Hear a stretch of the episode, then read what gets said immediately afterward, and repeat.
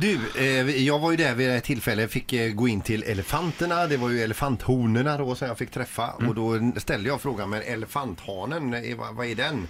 Och då sa ni det, den är ju bakom lås och bom, den går inte att ha bland folk och, eh, och så vidare.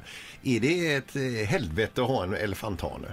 Nej, Inte, ett, inte, man kan nog inte använda eh, ordet helvete tror jag. Nej. Eh, men eh, de är ju mer problematiska i skötseln på det sättet att man ska hålla dem avskilda. De är inte så mycket för att vara i närheten av folk överhuvudtaget. De är, de är ju hetare, alltså de, de, är ju, de skyddar ju ett område, eller de skyddar sig själva. Men vad jag har hört så har eh, elefanttjurar eh, den högsta uppmätta testosteronhalten av något däggdjur. Ja, det kan nog stämma. Man har kunnat mäta upp det. Speciellt under den här mustperioden på året när de, eh, när de verkligen är aggressiva. Då, då är det hö- hög halt. Då ska man inte jävlas med dem. Nej, och då kan vi inte. Vi har ju normalt sett träning då, så vi har ju eh, så kallad protected contact träning då. Att man, man jobbar ju ändå med man har en tränare så man kan ta blodprov, verka fötter och sådana saker. Men under mustperioden då är det alltså helt kört i stort sett. Hur, vilket är det farligaste djuret ni har i parken? Ja, det är nog faktiskt just elefanttjuren på det sättet att eh, både stor, tung och med snabel också så kan han ta grejer. Eh, sen pratar vi om hyenorna som ni aldrig går in till för att de är helt galna. Framförallt honorna då.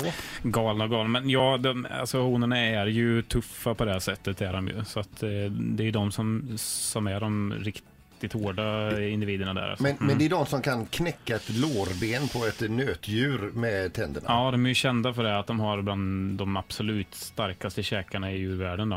Eh, så att eh, ja, de är ju eh, riktigt tuffa på det. Och Mm. de mal ju ner så att när det kommer ut sen också som en spillning så är ju spillningen vit. Då. Så Mm. att de kan verkligen både mala ner och sen så smälta. Ja, mysigt. Ja, så de håller vi oss borta från. Men du nämnde björnen också. Mm. Eh, våra brunbjörnar. Mm. De är ju ute här på året. Och, och apropå då som sagt eh, frågan våra farliga djur. Alltså eftersom det här är djur som är vana också vid folk så det är klart att våra brunbjörnar är väl de här som man tycker är absolut farligast på det här sättet. Och de vill man ju verkligen att de håller sig där Hur, de hur är. stor är en sån eh, brunbjörn?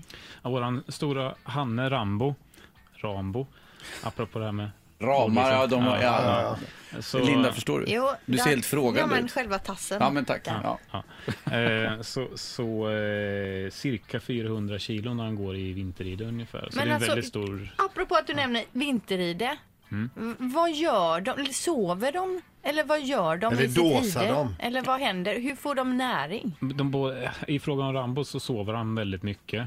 Är det lite yngre individer som vi har nu, med så varma vintrar som, som vi har fått nu, så är de lite grann igång, så vi har kameraövervakning. Så blir det så att, eh, att det blir lite för mycket rörigt in i idet och så, så får de gå ut en liten Men sväng. hur f- får de näring under den här tiden? Mm. Äter de ingenting under flera månader? Nej, de dricker mestadels. Men som sagt, blir det då att det blir väldigt långa perioder de skulle vara vakna nu när det blir för varmt så får de förstås. Men sen finns ju risken också den att skulle de få för mycket föda då så går de ju igång mer de här lite yngre. Så det vill man ju inte heller. Va? Men vad du säger är att man skojar inte med en björn heller. Och att man eh, helst ser att den äter det man serverar och inte den som serverar. nej, nej, just det. Ett poddtips från Podplay. I fallen jag aldrig glömmer djupdyker Hasse Aro i arbetet bakom några av Sveriges mest uppseendeväckande brottsutredningar. Går vi in med hemlig telefonavlyssning och, och då upplever vi att vi får en total förändring av hans beteende. Vad är det som händer nu? Vem är det som läcker? Och så säger han att jag är kriminell, jag har varit kriminell i hela mitt liv men att mörda ett barn, där går min gräns. Nya säsongen av Fallen jag aldrig glömmer på Podplay.